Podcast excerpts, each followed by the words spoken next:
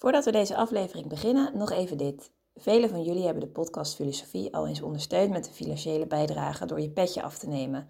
Daar zijn we super blij mee en daarmee draag je ook echt iets bij en maak je onze podcast mede mogelijk. Zo ook Boy en Jan die recentelijk hun petje af hebben genomen. Super veel dank daarvoor. En wil jij ook als trouwe luisteraar ons een steuntje in de rug geven en ervoor zorgen dat we nog lang door kunnen gaan? Kijk dan op petjeaf.com slash podcastfilosofie. Daar vind je alle info en bijdragen kan al vanaf 3 euro per maand.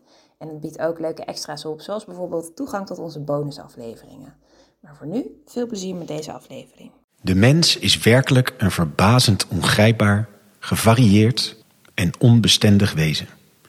Het is moeilijk zich een vast en onveranderlijk oordeel over hem te vormen. Op deze manier drukte de Franse filosoof en essayist Michel de Montaigne de complexiteit van de mensheid en de moeilijkheid van de filosofie uit. Waarom koos Montaigne voor het essay als stijl? Hoe stuitte hij op het failliet van zijn bibliotheek en waar zette hem dat toe aan? En waarom lieten filosofen van Descartes tot Nietzsche en van Pascal tot Adorno zich door hem inspireren? Over deze vragen en nog veel meer gaan we de komende drie kwartier hebben. De gast is Alexander Rozen, de denker die centraal staat, Montaigne.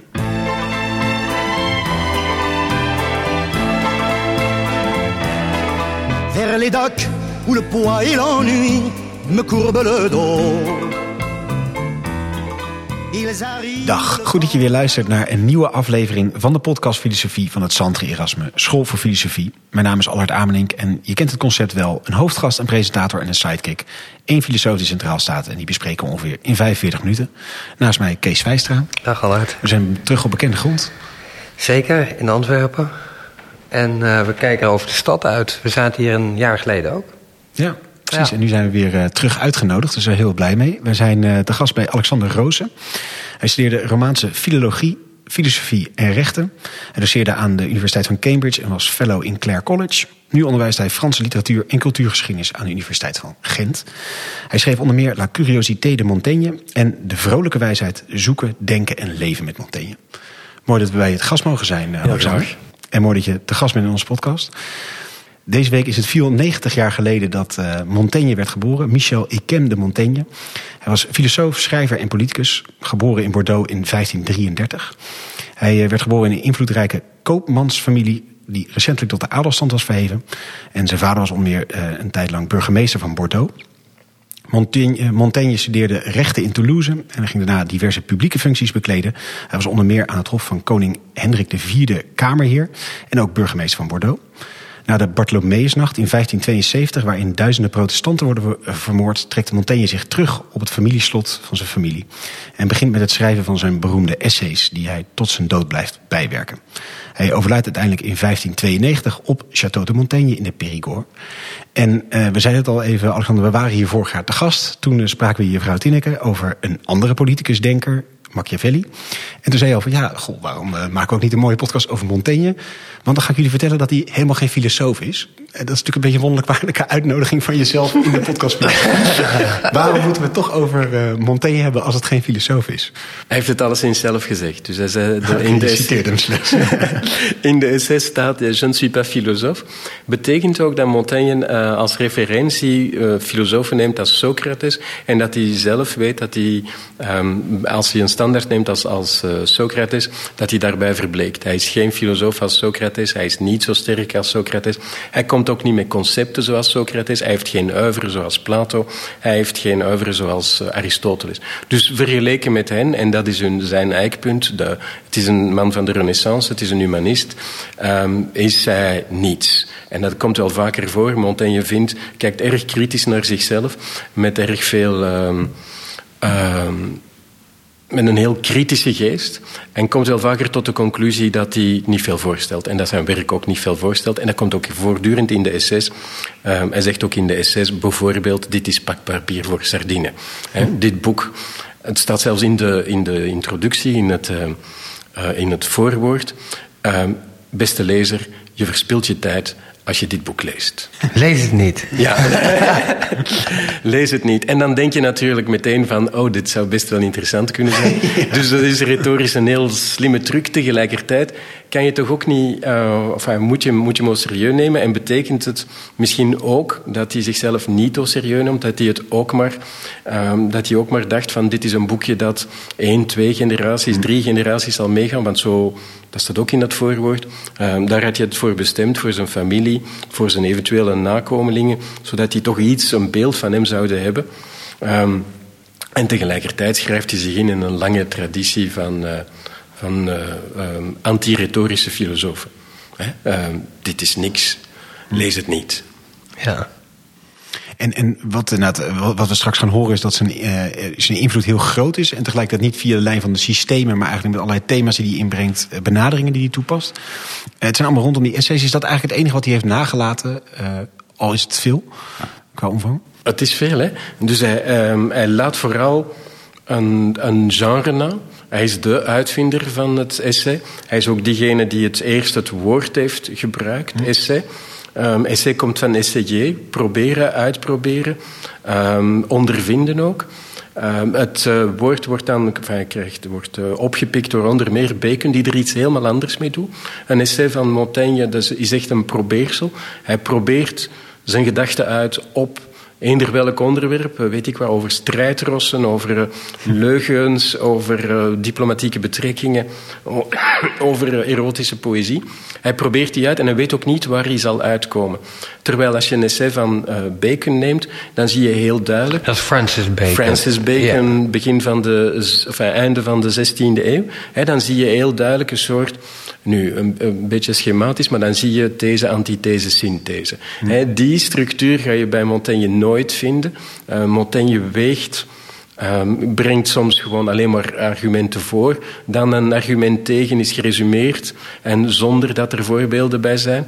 Um, en dus je hebt dat, dat heen en weer bij Montaigne, de conclusieloze uh, teksten ook, waarbij je niet weet wat hij nou denkt.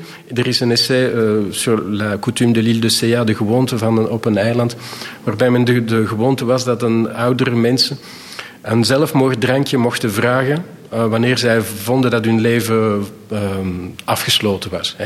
En dan zie je hem daarover mijmeren. Is zelfmoord goed? Kan je, zijn er bepaalde morele argumenten om tegen zelfmoord of voor zelfmoord te pleiten? Op het einde weet je niet wat hij denkt. Maar hij heeft wel alles opgestomd, of hij alles, nee, er is ook geen exhaustiviteit. Um, hij heeft een aantal argumenten aangegeven die zowel in christelijke uh, traditie voor of tegen zijn aangevoerd, in de oudheid voor of tegen zijn aangevoerd. En je ziet hem zelf laveren tussen die argumenten. Ja, er valt wel iets voor te zeggen voor, voor zelfmoord. Ja, er valt ook iets voor te zeggen tegen zelfmoord. Je kan het veel te vroeg doen, het kan nog allemaal goed komen. En dan komt hij met een heel aantal voorbeelden uit, uh, uit zijn bibliotheek. En is dus, dat dan onbevredigend dat zo'n essay dan nergens eindigt? Of kun je dan toch zeggen, ja, je, je, je krijgt dan wel iets eruit mee? Of, ja, absoluut. Of... Ik denk dat heel vaak van, het is nu aan de lezer. En je, je hè, ga er nu maar zelf aan de slag. Wat denk je nu zelf? Uh, als je dit ziet opgelijst, ben je dan voor of tegen zelfmoord? Um, kan je erin vinden in een aantal van die argumenten? Een andere opdracht voor de lezer zou ook kunnen zijn om te proberen om toch te detecteren wat Montaigne nu eigenlijk denkt. Um, zit er niet verdoken toch wel iets van een conclusie? Uh, wat je wel vaker voorkomt in de essays is... Stel nou dat je dat essay leest, misschien zit er wel een indicatie op het antwoord, om nu even het voorbeeld door te trekken voor of tegen zelfmoord. Hè. Misschien zit er wel een indicatie in een ander essay. Ah. Um, en komt hij er even op terug en geeft hij dan wel een idee van wat hij misschien wel zou willen zeggen, maar toch in dat essay niet heeft gezegd. En is dat bewust? Zijn dit allemaal soort van trucjes om de net als aan het begin van ja He, dat die, lees maar niet. Lees maar niet, inderdaad. Zijn het allemaal retorische trucjes of is dat ook? Uh, Montaigne is uh, beroemd om, om zijn anti-retoriek. Dus hij geeft heel vaak aan van de retoriek is uh, vervalsen, is mensen misleiden. en dus um, ik denk dat hij zelf niet graag in een situ zou gesitueerd worden als iemand die retorische trucs gebruikt, maar hij gebruikt ze heel erg zeker. Ik zal er eentje geven als je wil.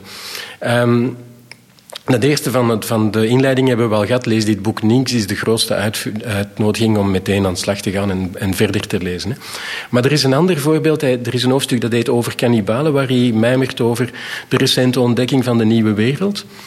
Um, en dus hij uh, doet dat aan de hand van een getuigenverslag.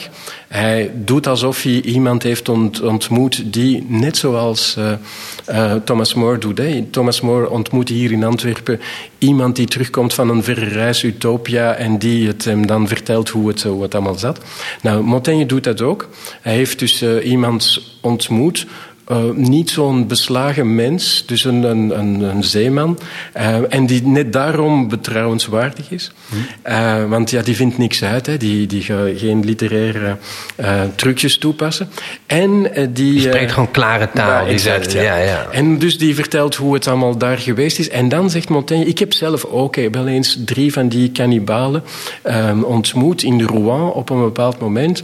Um, deed de vorst een soort blijde intrede en men had drie van die mensen, drie indianen, overgebracht naar uh, Rouen en men stelde die daar tentoon. En de vorst uh, praat even met hen en vraagt, zegt eigenlijk van, vinden jullie het hier mooi? Die mensen antwoorden via een soort tolk en dan loopt de vorst weg. De vorst is overigens een jongen van 13 jaar. Um, en dan zegt Montaigne, ik blijf nog even hangen en ik praat met hen door. Nou, en dan vraagt Montaigne...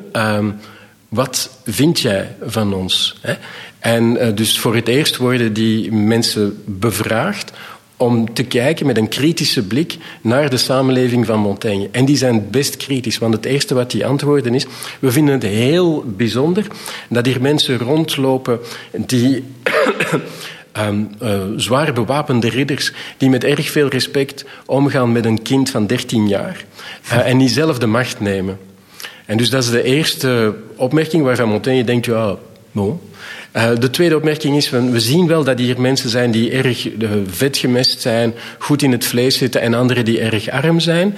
En die armen doen niks. En het derde zegt Montaigne, dat ben ik vergeten. En dan antwoordt hij, dan de, de conclusie is, bah, op de keper beschouwt hij dat allemaal zo dom nog niet. Maar, zullen mijn tijdgenoten zeggen, ze dragen geen broeken zoals wij. Dus we moeten, ne porte point de haut de chose. Dus we moeten daar geen rekening mee houden. Nu, de geïnformeerde lezer, ik ga even terugnemen, heeft eigenlijk wel begrepen dat het er iets, aan de ander, anders, ja. iets anders aan de hand is. Het eerste ging over de monarchie en over de manier waarop je een, een, een, een samenleving organiseert, de wet dus, la loi. Het tweede ging, pardon, het ging over de monarchie en dus le roi. Het tweede ging over de manier waarop je een samenleving organiseert, die, die, uh, die ongelijkheid, la loi. En het derde ging over, ja, daar kan ik niks over zeggen, la foi. En dus de geïnformeerde lezer begrijpt dat Montaigne, of dat zij iets kritisch hebben gezegd over het geloof. Dat Montaigne erg kritisch staat tegenover de manier waarop het geloof wordt ingezet in zijn samenleving. Maar dat nu even niet kan zeggen omdat hij leeft in een tijd van burgeroorlog. Ah ja, ja. dat is sluw. Interessant, zeg. Ja. En dus wat, wat, wat, wat knap geconstrueerd en uh, literair hoogstaand is het, zeg maar echt. Ja, en het is echt een soort van uh, fantastisch geconstrueerde ding voor de echt goede verstaander. Ja, het, het is lees tussen de regels. En je moet, zoals bij Rabelais, lezen tussen de regels. Um, en, en Rabelais, dus, Rabelais is de, de, andere, de andere grote ja. literaire referentie in de 16e eeuw.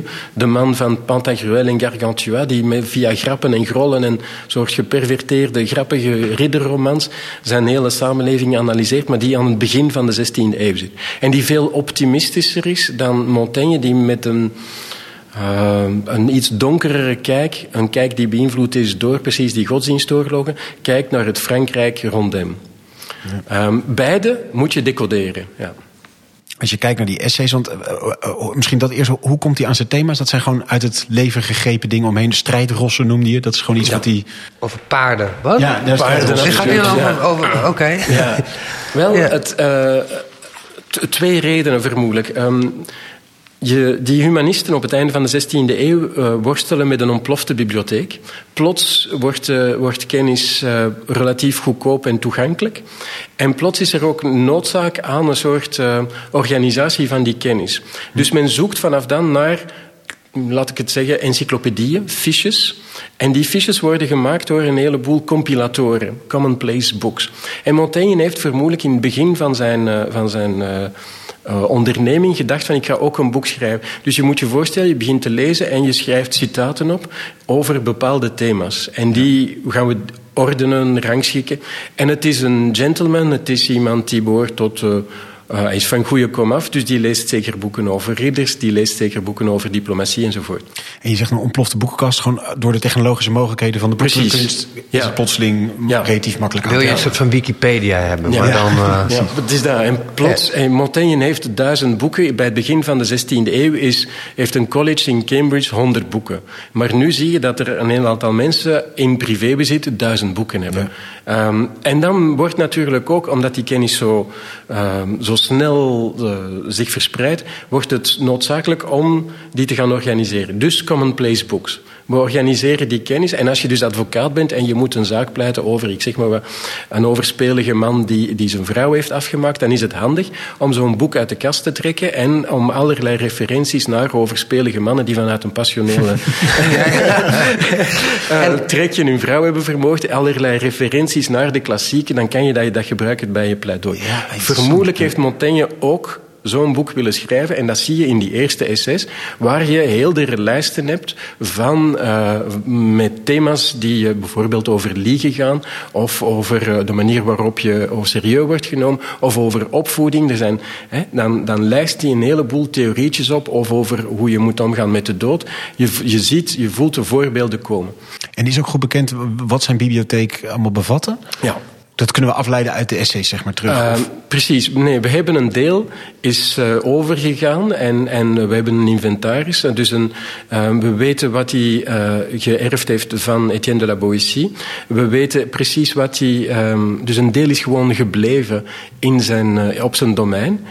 Um, en we kunnen effectief ook afleiden uit de essays wat hij... Um, wat hij geciteerd heeft, wat hij bij de hand moest hebben. Ja. Uh, en wat hij dus niet ook via via hè, uit de tweede hand kon citeren. Ik heb overigens in Cambridge zat een exemplaar dat Montaigne ge, gebruikt heeft. En dat uh, een, uh, tragedie was van Sophocles, denk ik, die van Etienne de la Boétie kwam en waarbij je de twee handschriften nog zag. Die boeken zijn allemaal opgekocht. De vader van Alain de Botton heeft er op een bepaald moment een sport van gemaakt om nou, de boeken van de bibliotheek van Montaigne te reconstrueren, um, liefst met uh, originele exemplaren. En die heeft hij dan geschonken aan de Universiteit van Cambridge. Oh, wauw. Ja.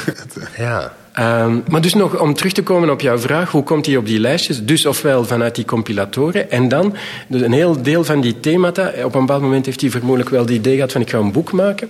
Een boek maak je voor een bovenlaag. Die bovenlaag die er toen was zijn mensen, civil servants, diplomaten. Um, dus die um, een aristocratie die, die wil lezen en bourgeois die willen lezen.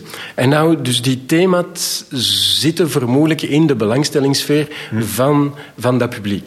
Vandaar die, die strijderrol, zeg Precies, maar. Eh, vandaar, vandaar het idee ook over, uh, over oorlog, over hoe kan je uh, iemand tot, tot vergevingsgezindheid bewegen, van uh, internationale politiek. Die themata komen vermoedelijk vanuit dat. En, en zie je daar dan een ontwikkeling inderdaad? Dus hij begint daar en, en hij eindigt met hij begint daar en hij eindigt met uh, verhalen over zichzelf. Dus de, de idee is dat het. Yeah. En dus de traditionele lezing is dat je van het soort onpersoonlijk uh, verzameling naar een verzameling gaat die meer en meer en dichter en dichter bij hem op de uit zal zitten.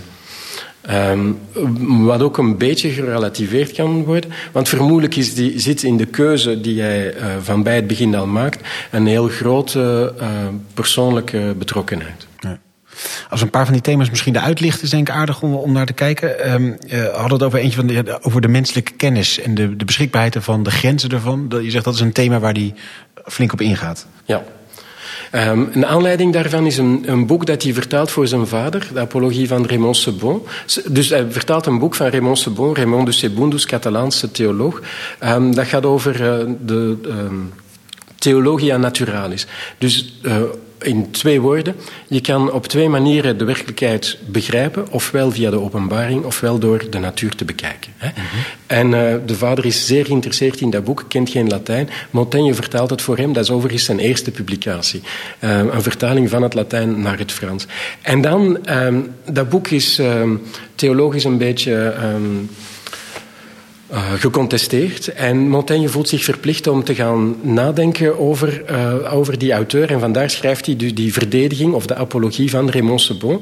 Hij wil dat boek verdedigen tegenover uh, theologische aanvallen vanuit het Vaticaan. En hij komt tot een paradoxale verdediging, waarbij hij een, de hoeksteen van het boek de reden is een manier om toegang te krijgen tot de werkelijkheid en die um, bevestigt de openbaring. Die reden gaat hij bevragen. Kan je wel met de reden, via, redelijk, via het redelijk instrument dat het onze is, de werkelijkheid begrijpen? Um, want hoe verklaar je dan, als je dat denkt, uh, al die contradicties die er zijn tussen filosofen? En dan lijst hij die op. En opnieuw zitten we bij lijstjes. Hè? Hoe verklaart het dan dat Aristoteles en Plato en de pre-Socratici allerlei andere theorieën hebben over de werkelijkheid. En zo ondermijnt hij langzaam maar zeker de mogelijkheden van de reden. Bovendien, de reden is iets wat uh, ons eigen is, de mens eigen is, um, en ons superieur um, ons superieur maakt tegenover dieren. Um, en ook die uh, assumptie gaat hij ondermijnen door aan te geven dat dieren best ook wel erg redelijk kunnen zijn. Je hebt een heleboel dieren die, dat dieren ook in staat zijn tot naaste liefde, tot uh, liefde en, en inzet tussen andere dieren. Een, een, een, visje dat gevangen zit, wordt bevrijd door andere visjes um, uit een net. Maar net zo goed is er een solidariteit tussen, uh, tussen uh, dieren onderling. En dan geeft hij het voorbeeld, ik denk dat het een myth, mythologisch voorbeeld is, maar het is het voorbeeld van, ik ben de naam kwijt van het vogeltje, maar een vogeltje dat eigenlijk als een soort tandenstoker fungeert bij een krokodil. Ah, en die krokodil houdt haar bek open zolang het vogeltje aan het tandenstoken is. En dan vogeltje wegklap terug toe. Uh, vogeltje heeft zichzelf kunnen voeden en krokodil is van, uh, van een boel overlast um, verlost. Goed, dus dat allemaal maar om aan te geven dat, uh, dat de mens um, pretentieus is, ijdel, denkt om superieur te zijn aan de dieren, um, op basis van een reden die... Een, een, instrument is waar je relatief weinig mee bent. Want de, de reden niet alleen eh, levert ze geen absolute zekerheid op, maar bovendien, een heleboel wijze mensen, een heleboel grote filosofen, blijken erg ongelukkige mensen te zijn. Terwijl mensen die met een soort. Uh, natuurlijk in het leven staan. Uh, ik ging bijna zeggen onbedachtzaam, ondoordacht in het leven staan.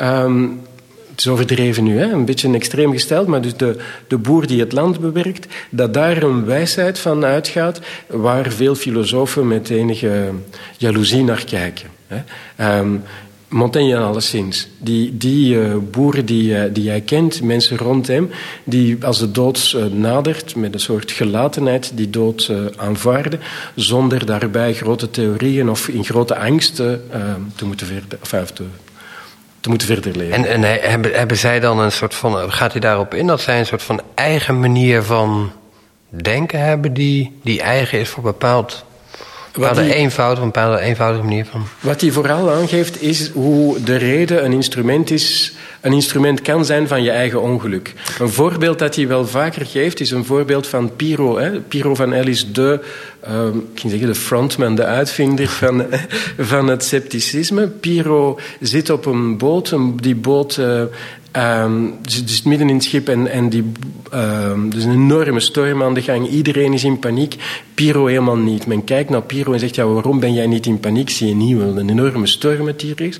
Piro verwijst naar een, een zwijntje dat daar ook zit. En kijk naar het zwijn, zegt hij. Is dat zwijn aan het panikeren? Uh, nee. Nou, wij denken dat we superieur zijn omdat we de reden hebben hè, ten opzichte, en dat, is de, dat maakt ons superieur ten opzichte van dat zwijntje. Maar kijk, die reden maakt dat wij, of en dat verstand maakt, dat wij nu aan het panikeren zijn op basis van argumenten die we niet hebben. Hè. Dus de, je, je, je, je praat jezelf een angst aan um, op basis of met je reden. Dus de reden zelf kan vaak een instrument zijn van ja, dus hij, hij, ondergraaft daarmee vooral de, de, de hoogmoed zeg maar, rondom de reden. Ja. Hij geeft aan van, joh, ja, win je er nou altijd wat mee? En, ja. En, en, kende, kende Montaigne deze, deze traditie, die sceptische traditie? Las hij dat? Of, ja, of? Dus, en dat is zelfs een, een funderend moment in zijn bestaan geweest. Um, op een bepaald moment vindt hij die... Uh, vertaling, dus de Latijnse vertaling van uh, Piero van Ellis, uh, van Sextus Empiricus beter. Hè. Dus Sextus Empiricus, dat boek wordt vertaald naar het Latijn. Latijn sprak hij, hè. dus Latijn was zijn moedertaal. Hij is opgeleid in het Latijn door een Duitser uitvinding van zijn vader, die dat een idee, goed idee vond om, om dus de kleine, letterlijk baby Montaigne in het Latijn te laten opvoeden. In die mate dat dus de ouders een paar woorden Latijn moesten leren om met kleine Michel te, oh, te communiceren. En dus Latijn zat hem in het bloed. Hè. Um, je hebt ook die rare contradicties, of die, die rare spanning. Zijn moedertaal was Latijn. Maar ik kom terug naar je vraag. Dus ja, op een bepaald moment ontdekt hij de, de Sextus Empiricus. En dat is voor hem een fundamenteel moment. Hij is aan 42 hij laat meteen ook een muntje slagen. En op dat muntje staat een weegschaal, epecho. Dus ik, epecho betekent, uh, ik schort mijn oordeel op. Um, en dat doet de weegschaal, maar dat gaat hij zelf ook doen. Dat wordt ook zijn motief. Ik schort mijn oordeel op. Ik uh, kom niet tot een conclusie. Misschien, misschien niet. Hè. Um, en dus die hele uh, sceptische traditie loopt door als een soort rode draad door die verdediging van uh, Raymond Sebon. Dit is... Je hebt ook dus het uh, Montaigne als hij zich terugtrekt en dus de, de sceptische traditie is voortdurend bij hem aanwezig. En als hij misschien één ding is, is het vooral misschien een scepticus. Um, de, op het moment dat hij zich terugtrekt, trekt hij zich terug in een bibliotheek. Boven de zolder van zijn bibliotheek, of beter het plafond van zijn bibliotheek, zijn een aantal balken. Op die balken laat hij inscripties aanbrengen. We hebben er ongeveer 65 gereconstrueerd. En de twee draagbalken zijn uh, of beschilderd met zes. Um, verwijzingen of, of motto's of uh, uitspraken, spreekwoorden uit de sceptische traditie. Hm. Waaronder die epecho. Ik schort mijn oordeel op. Dus het is alsof dat de draagbalken is een hele filosofie uh, dragen. En dus de andere motto's zijn, uh, komen uit, ofwel uit het Oude Testament en verwijzen naar de ijdelheid, ijdelheid der ijdelheden, dat soort verwijzingen. Of uit de Stoa of in mindere mate uit de epicuristische school. Maar dus de het, het, de twijfel. En, en wat staat daar dan mee op het spel? Dat je je oordeel opschort? Wat, wat bereik je dan om, om bijvoorbeeld geen angst te hebben... zoals dat varkentje in, in die storm? Ja, wel, het, het, het uh, voorbeeld dat, hij, dat Mel vaker geeft... en dat van Sextus komt, is het voordeel... het, het, het stoppen eigenlijk met uh, frenetiek zoeken naar een oplossing. Je kent het voorbeeld van Apelles, die op een bepaald... dus de, de historische schilder die op een bepaald moment... En, uh, het schuim op de, op de muil van een hond wilde schilderen. En hij slaagt er niet in. En hij probeert en hij probeert en het lukt helemaal niet. En op een bepaald moment gooit hij de spons. En de spons geeft de perfecte afdruk van het schuim op de muil van de mond. Maar dus het is het in het opgeven, in het, in het aanvaarden van je eigen beperkingen, in het inzien dat de mens niet tot de ultieme waarheid zal komen, niet door zijn eigen um, inspanningen, hoe groot die zal zijn tot de openbaring of, of tot de, de, de, waarheid met de, met, de, met de hoofdletter W. In het opgeven daarvan, van die aspiratie, dat je een vorm van rust vindt. Bij de gelassenheid, eh, om het ja. einde. Ja, ja. mooi. En, en ja. dit was allemaal in die, die publicatie die hij vertaalde voor zijn vader als een, als een voorwoord? Of is het in de loop van de essays dat hij dit heeft Nee, ja, dus hij vertaalt het boek van, voor, voor zijn vader. Hij doet twee dingen. Dus Montaigne is, is, is gaan publiceren. Hij heeft twee dingen gepubliceerd. Eerst dus die vertaling. En dan um, de gedichten van zijn overleden vriend Etienne de la Boétie. Vertaalt hij, bezorgt hij. En dan begint hij te schrijven. En als hij begint te schrijven aan wat we vandaag de SS noemen, dan voelt hij op een bepaald moment de noodzakelijkheid om toch ook een soort verdediging te schrijven. En dat is het, het belangrijkste hoofdstuk in de SS, 2.12. Belangrijkste in de zin van dat is filosofisch het meest zwaarwichtige, maar het is ook het langste. En dan schrijft hij die verdediging van Raymond de Sebon. Ja, precies. Ja. ja. En dit is dus eigenlijk een van die. Je, je vertelt niet heel mooi uitgebreid over, zeg maar. Dat is dus een van die thema's die in die hele omvangrijke oeuvre van die essays is dus dit een van die. Precies. Maar wel het fundament in zekere ja, zin. Ja. Filosofisch kan je ja. zeggen dat als je er maar eentje leest en je bent een soort beroepsfilosoof, dan is dat het hoofdstuk dat je moet lezen. Omdat dat gaat over epistemologie, omdat dat gaat over uh, dingen die tot de dag op vandaag uh, doorwerken. Ja, absoluut.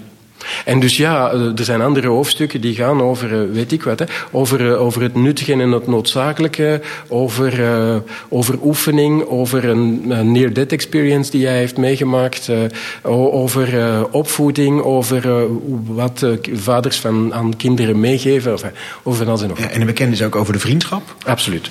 Dus ook dat is en is een... die voor of na deze Ja, dit, dit staat nummer, als je het in nummertjes wil, is dat, is dat 1,28. Is dat 1,28. Dat is belangrijk, omdat dus uh, het, het, hoofdstukje over de vriendschap staat in het eerste boek en centraal in het eerste boek. En op een bepaald moment heeft hij ook gedacht om een soort uh, tribute, een soort uh, eerbetoon aan de overleden vriend Etienne de la Boétie te brengen. En toen wilde hij een stukje, een vertoog van Etienne de la Boétie midden in zijn boek zetten. En de vergelijking die hij geeft is van ik ben als een schilder en ik laat een deeltje van de wand, het midden van de... Hè, van de wand laat ik helemaal vrij. En daar, daar zet ik Etienne de la Boétie. En de rest daar rond zijn. En opnieuw zie je die deconsideratie die hij heeft. Het, het, misprijzen voor zijn eigen productie. De rest er rond is een soort ja, kadertje hè, waar je monsters op tekent, groteske. En het, het hoofdwerkje zou die uh, Etienne de la Boétie, het vertoog uh, over de vrijwillige slavernij, discours de la servitude uh, volontaire, dat, dat wilde hij daar in het midden zetten. Maar dus ik kom terug op jouw vriend. De, uiteindelijk doet hij het niet, lang verhaal. maar, maar, hij schrijft daar wel een, hoofdstukje over de vriendschap in. En ook daar zie je een, ik ging bijna zeggen, typische Montaignaanse beweging. Um, wat is vriendschap? Dus hij wil daar nadenken over wat vriendschap is. Wat doet een uh, um, humanist, een filosoof, bijna reflexmatig als hij gaat nadenken over een onderwerp. Hij loopt naar zijn bibliotheek en dat doet hij dus ook. En dus de, de, de referentie over vriendschap is natuurlijk Aristoteles. Hij haalt Aristoteles erbij. Um, Aristoteles geeft drie vormen van vriendschap. Je hebt vriendschap tussen mannen bijna als buren hè, die goed overeenkomen. Je hebt de vaderlijke en moederlijke vriendschap. Je hebt de vriendschap tussen echtgenoten. En dan heb je wellicht nog iets anders. En Montaigne constateert, failliet van zijn bibliotheek, failliet van, heel die, van al die verwijzingen. Um, je mag nog zo ver zoeken als je wilt, maar nooit vind je zo'n uitzonderlijke vriendschap als degene die ik beleefd heb met Etienne de la Boétie. En dus de eerste conclusie is, ik vind daar gewoon geen woorden voor. Um, in een latere editie uh, voegt hij daaraan toe, behalve dan dat hij het was. En in dezelfde editie, maar met een ander handschrift, dus een tijdje later, moet hij daar ook nog aan toegevoegd hebben. Um, en dat ik het was. Donc, parce que c'était lui, parce que c'était moi. Die vriendschap is zo uitzonderlijk, was zo fenomenaal, is met geen woorden te vatten. Um, behalve dan parce que c'était lui, parce que c'était moi. En dus in die uh, definitie, een soort definitie van het sublime, hè, uh, er is een soort je ne sais quoi, het is onvatbaar, ondefinieerbaar, die vriendschap. Um, in die definitie zit zo voor velen een referentie aan... Uh, of is het een eikpunt geworden, bijvoorbeeld voor Derrida, um, die in zijn boek over de vriendschap ook onmiddellijk verwijst naar en naar Aristoteles en naar uh, Montaigne. Oh, l'ami, il n'y a pas d'ami. Enfin, dus de ware vriendschap bestaat niet, of, of in, dit geval vriendschap is extreem uitzonderlijk. Ja. Dus die, eh, dat boek, dat hoofdstuk is voor uh, de hele reflectie over vriendschap het eikpunt geworden um, in de filosofie. Maar eigenlijk die hele missende vorm, beperkt die, hoe die die beschrijft, is eigenlijk beperkt die tot die beschrijving van ja, dat hij het was en dat ik het was. Ja. Dat is eigenlijk alles wat hij erover kan zeggen. Ja. En hij beschrijft wel uitgebreid dat hij het mist. Of... Ja, ja. ja, dus. Het, en hij beschrijft de manier waarop ze elkaar ontmoet hebben. Behaal, dat is de soort koetvoeder. Hè. Uh, ik had hem wel eerder van hem gehoord, omdat dat, dat, dat tekstje circuleerde, le discours contre la servitude volontaire. Um, hij was een soort publiek intellectueel, zou je kunnen zeggen. Iemand aan wie iedereen refereerde. Etienne de la Boétie was een beetje ouder. En dan plots op een feest um, zien ze elkaar en besluiten heel snel van... dit is uitzonderlijk wat we hebben. En we gaan daar meteen, we gaan daar zonder ik ging bijna zeggen zonder voorspel, meteen een uitzonderlijke vriendschap van maken. Ja? En die had meteen ook zo beleven. En dus die heeft een aantal jaar geduurd, vijf, zes jaar, moeilijk om te zeggen. Uh, Montaigne stond aan het sterfbed van Etienne de la Boétie. Met ook een, uh, hij heeft dat ook beschreven in een brief aan zijn vader, waarbij hij dan aan zijn vader vertelt, op een bepaald moment, Etienne de la Boétie moet geroepen hebben... Um, Donne-moi une place. Geef mij een plaats. Waarbij hij in de eerste plaats niet wist hoe te reageren, want waar gaat dit over? Ik sta hier toch, jij ligt in je bed, wat is er aan de hand? Maar waarbij hij daarna het geïnterpreteerd heeft als ik moet hem op een of andere manier op nog een forum geven, ik moet met zijn werk aan de slag. En dus heeft hij dat werk um, verzorgd, bezorgd beter, en wilde hij ook nog de discours la servitude volontaire um, publiceren. Ja, nee, maar ik had er dus eigenlijk twee van, want was dit deze tekst, was dat nou voor of nadat zeg maar, die, um, die sexus empiricus uh, moment, was dat... Uh, ja, dus de, het sexus empiricus moment is 1572 ja. en de dood van Etienne de la Boétie is 1563. Um, Montaigne, dus tussen 1563 en 1570, publiceert hij dat stuk ja. van over Etienne la Boétie. En dan ergens in 1571, dat vertelt hij uitgebreid, gaat hij zitten en begint hij te schrijven. Nu is het heel moeilijk om, om daar de vinger op te leggen. Wanneer is hij... Maar ik, ik denk, um, er is een geleerde zo'n woord heeft niemand nog gebruikt. Hè? Maar uh, een filoloog, uh, Pierre Villet, die een hele chronologie heeft aangelegd. En dus ja, het, het, hoofdstuk over de vriendschap is zeker geschreven voor het hoofdstuk over sextus empiricus, ja. over, over het scepticisme. Dus in zekere zin zou je kunnen zeggen dat het zo, zo constant heen en weer.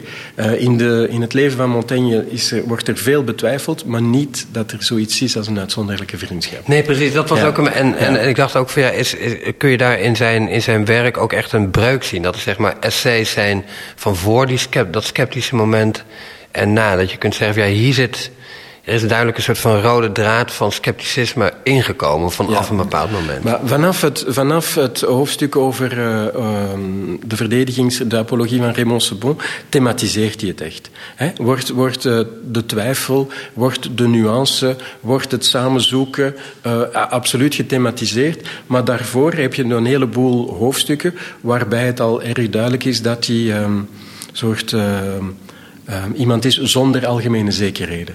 Um, die, die weigert om mee te gaan in absolute aanspraken. Ja. En dan hebben we het thema, denk ik nog. We, we hebben de eenzaamheid gehad, we hebben die, de, de, de, de kenvermogen gehad. Ik denk nog zo'n thema waar die sterk mee geassocieerd wordt, is de eenzaamheid. Ja. Uh, kun je daar ook wat over vertellen? Tuurlijk, Want ja. het heeft ook een relatie tot die essay zelf, toch? De, de vriendschap, je zei net de eenzaamheid. Oh, oh sorry, de vriendschap, ja. ja. En dan nu de eenzaamheid. Ja. ja, ja. Ja, de, enfin, de eenzaamheid komt omdat de vriendschap ook weg is. Hè? Ja. Die, dus die vriend valt weg, Etienne de la Boétie valt weg, zijn vader is weggevallen.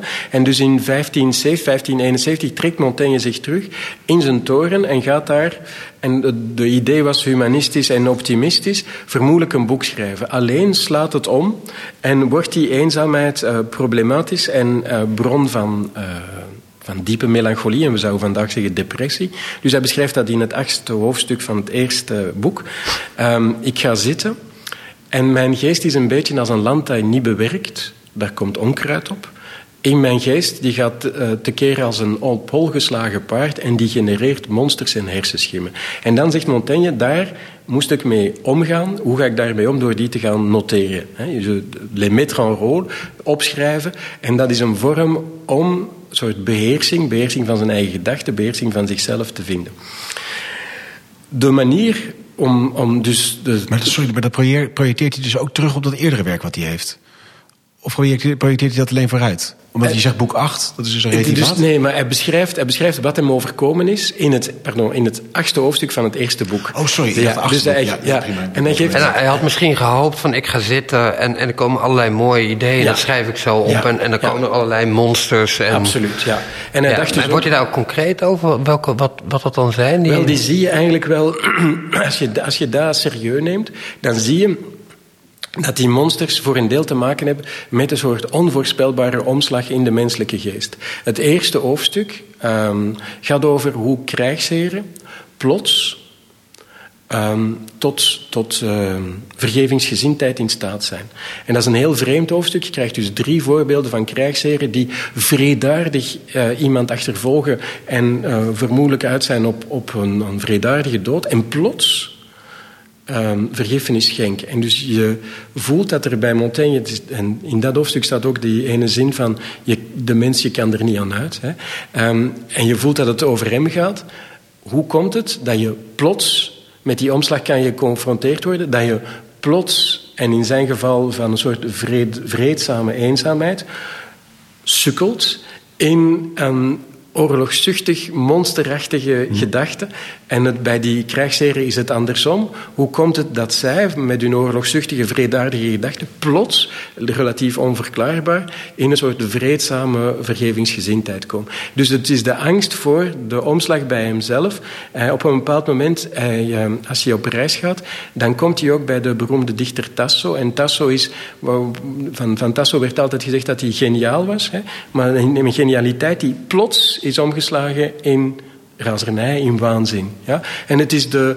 En het, noemt het, is een kwartslag. Dus het is hè, een, het, het, niets. Een, het, het, gewicht van een pluimpje en je kan, de omslag ah, kan zich voordoen. En het is de angst voor die omslag, denk ik, die, die hem zo um, uh, broos maakt. In zekere zin eenzaamheid terug. Want dus je ziet hoe eenzaamheid problematisch kan worden. Maar als hij opnieuw de, de humanist, hè, wat doet hij dan? De referentie in de 16e eeuw voor humanisten en voor omgaan met, uh, met het moreel kwade, met onzekerheid. De referentie ook in Vlaanderen zijn de Stoïcijnen.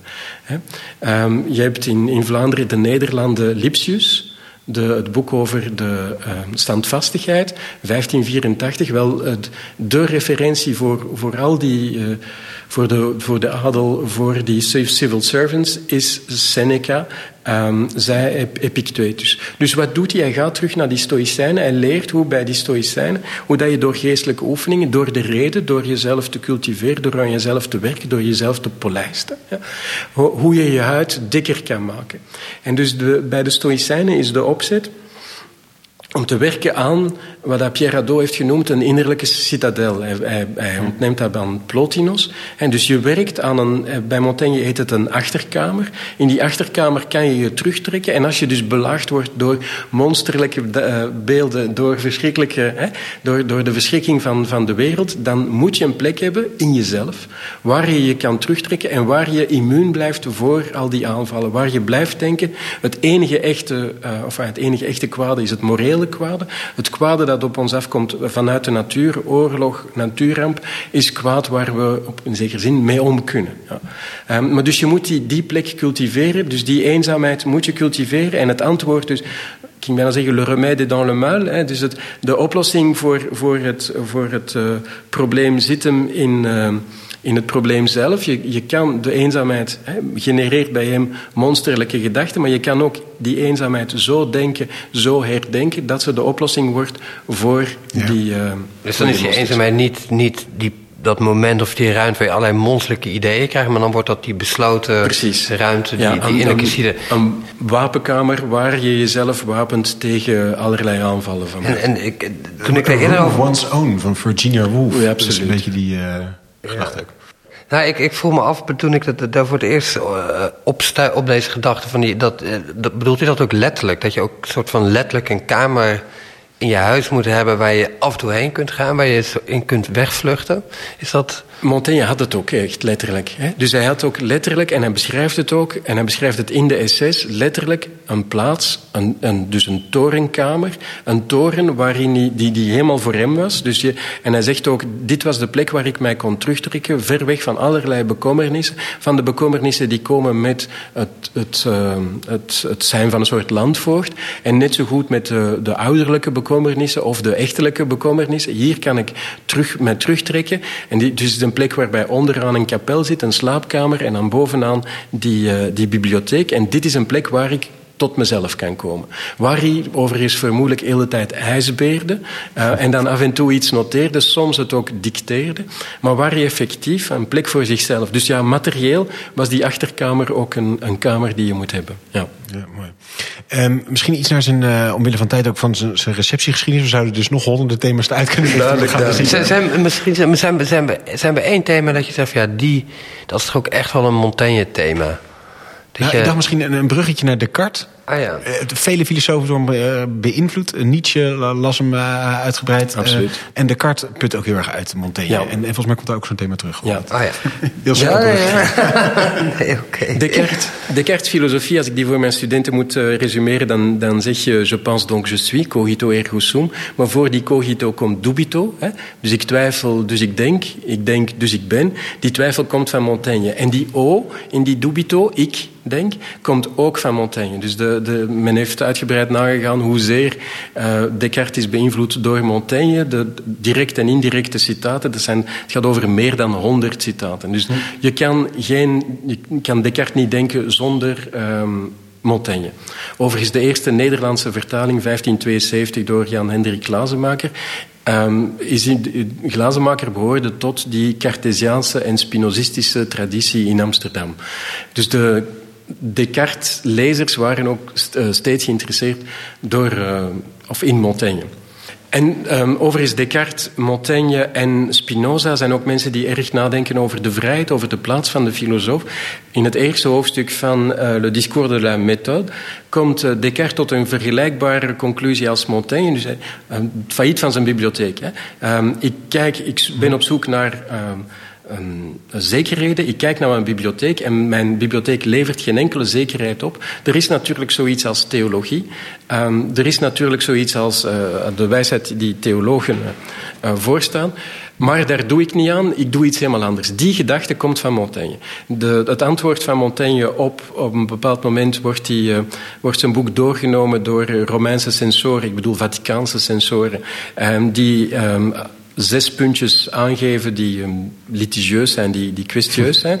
Um, en Montaigne, en ze vragen hem van, with minor corrections mag je verder uh, je, boek, je boek blijven publiceren. En Montaigne antwoordt daarna, van, uh, in een hoofdstuk dat uh, over gebeden gaat, um, ik ga dat niet doen.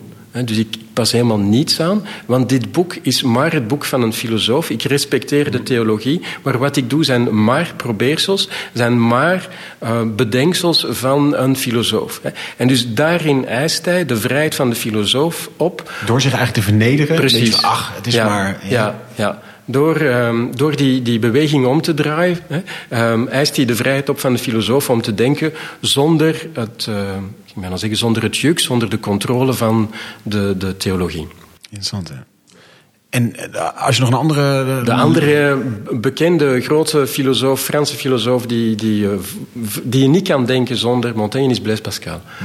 Dus Pascal... Um, wordt vaak gezien als soort tegenpool van Montaigne, die aangeeft van Montaigne is de man die Le Sot Projet de se peindre had. En dat is dat gekke project om een autobiografie te schrijven, om over zichzelf te schrijven. Tegelijkertijd, Mont, uh, Pascal, op een bepaald moment is hij Jansenist, wordt hij Jansenist, sluit hij aan bij de Jansenistische beweging. Waarbij Jansenius geboren is in Akkooi, onze woonplaats. Ja, dat moet toch even gezegd worden. Er wonen meerdere grote mensen in Akkooi.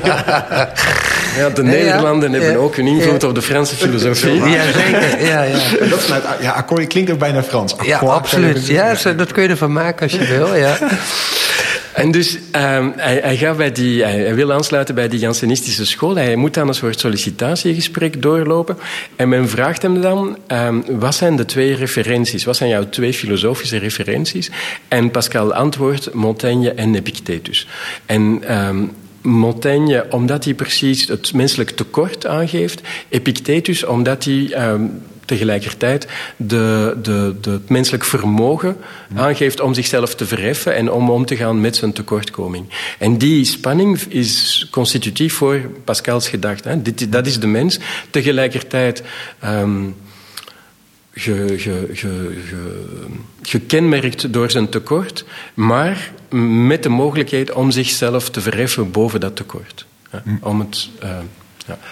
En, en als we later kijken naar, ik vind Nietzsche wel interessant, die is enorm veel met Montaigne bezig geweest? Ja, ja Nietzsche uh, heeft iets wat ik citeer nu uit het hoofd, maar het zou, een soort vergissing van de, het zou een vergissing van het leven zijn geweest als, als een, een, uh, Montaigne niet had geleefd. Dus voor hem is dit. En qua genre en qua levensvreugde, want Montaigne is inderdaad de filosoof van. Um, natuurlijk niet van de amor fati, maar van het ja.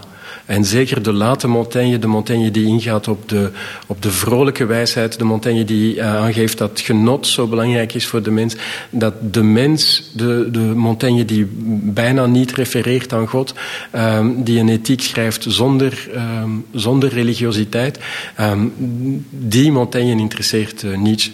Tegelijkertijd ook de verhalende Montaigne, de literaire Montaigne. Montaigne uh, ging zeggen, Nietzsche hield natuurlijk van literatuur en veel minder van concepten la Hegel. Hè? Ja.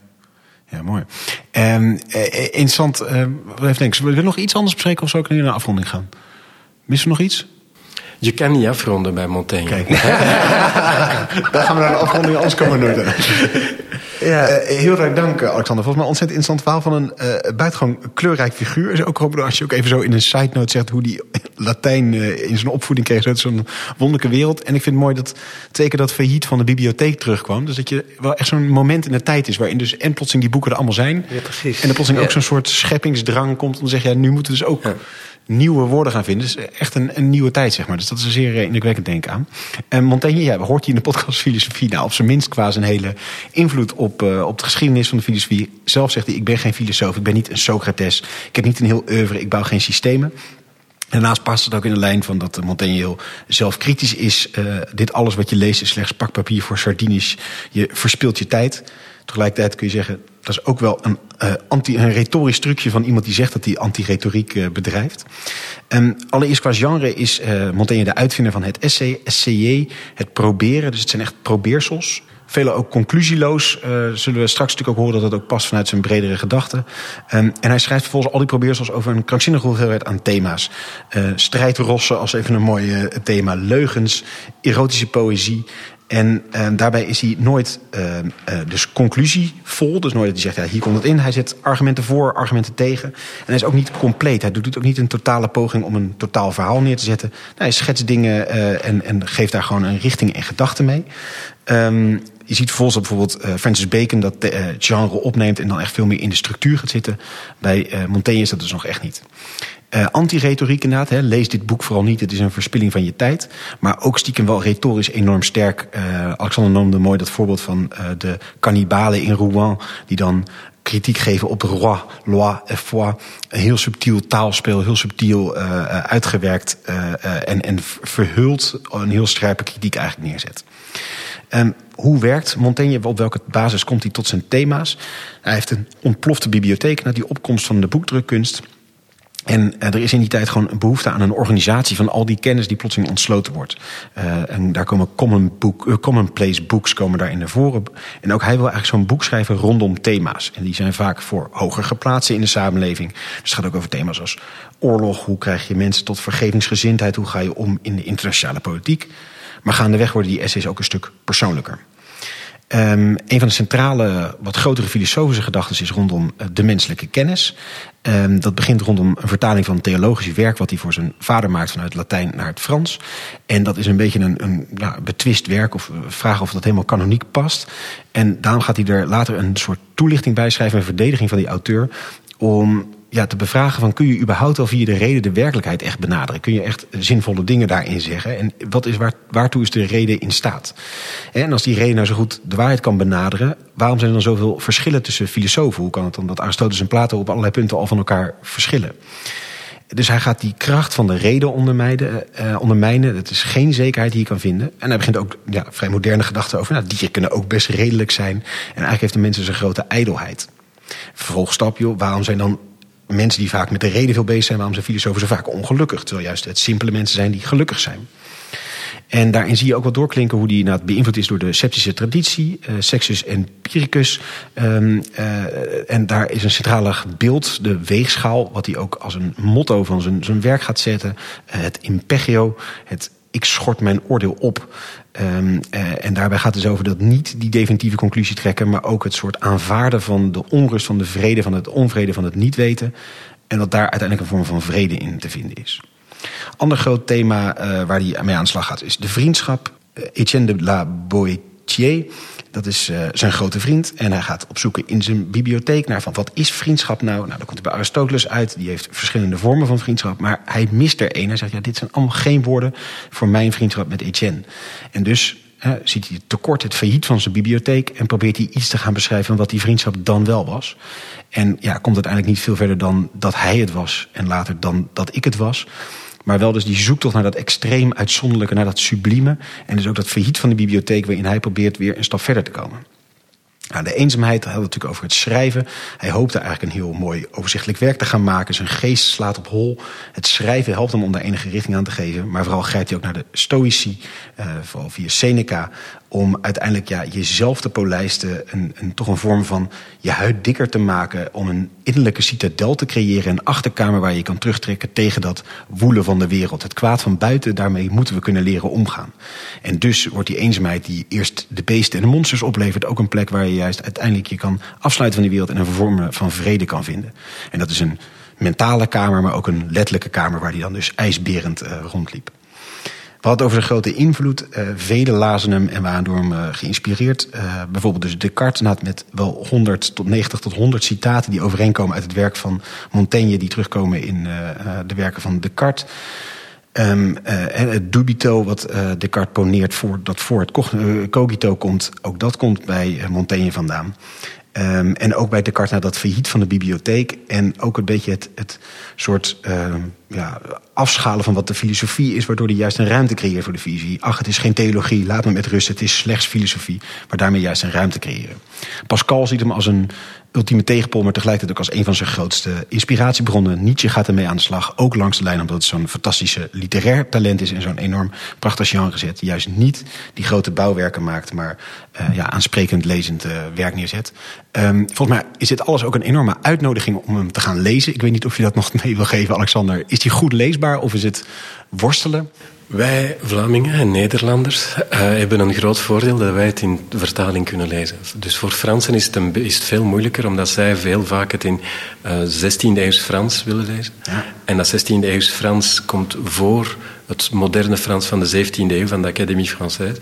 Maar dus je hebt in uh, het Nederlandstalig taalgebied twee heel goede vertalingen. Dus ja, om op je vraag te antwoorden. Ja, sterk aanbevolen en zeer goed leesbaar in die twee uh, prachtige vertalingen. Ja, en anders zien we ook twee uh, werken in ieder geval van Alexanders hand die je ook daarover kan lezen. Dus dat is zeker aanmoediging. Heel hartelijk dank Alexander volgens mij voor een gloedvol verhaal over Montaigne.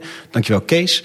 En jij natuurlijk weer heel hartelijk dank voor het luisteren. Ontzettend leuk dat jullie dat altijd met zoveel doen. Uh, geef ons vooral ook een positieve beoordeling als je onze podcast waardeert.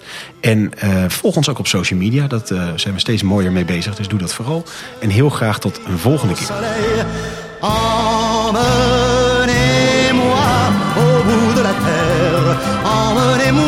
pays des merveilles. Il me semble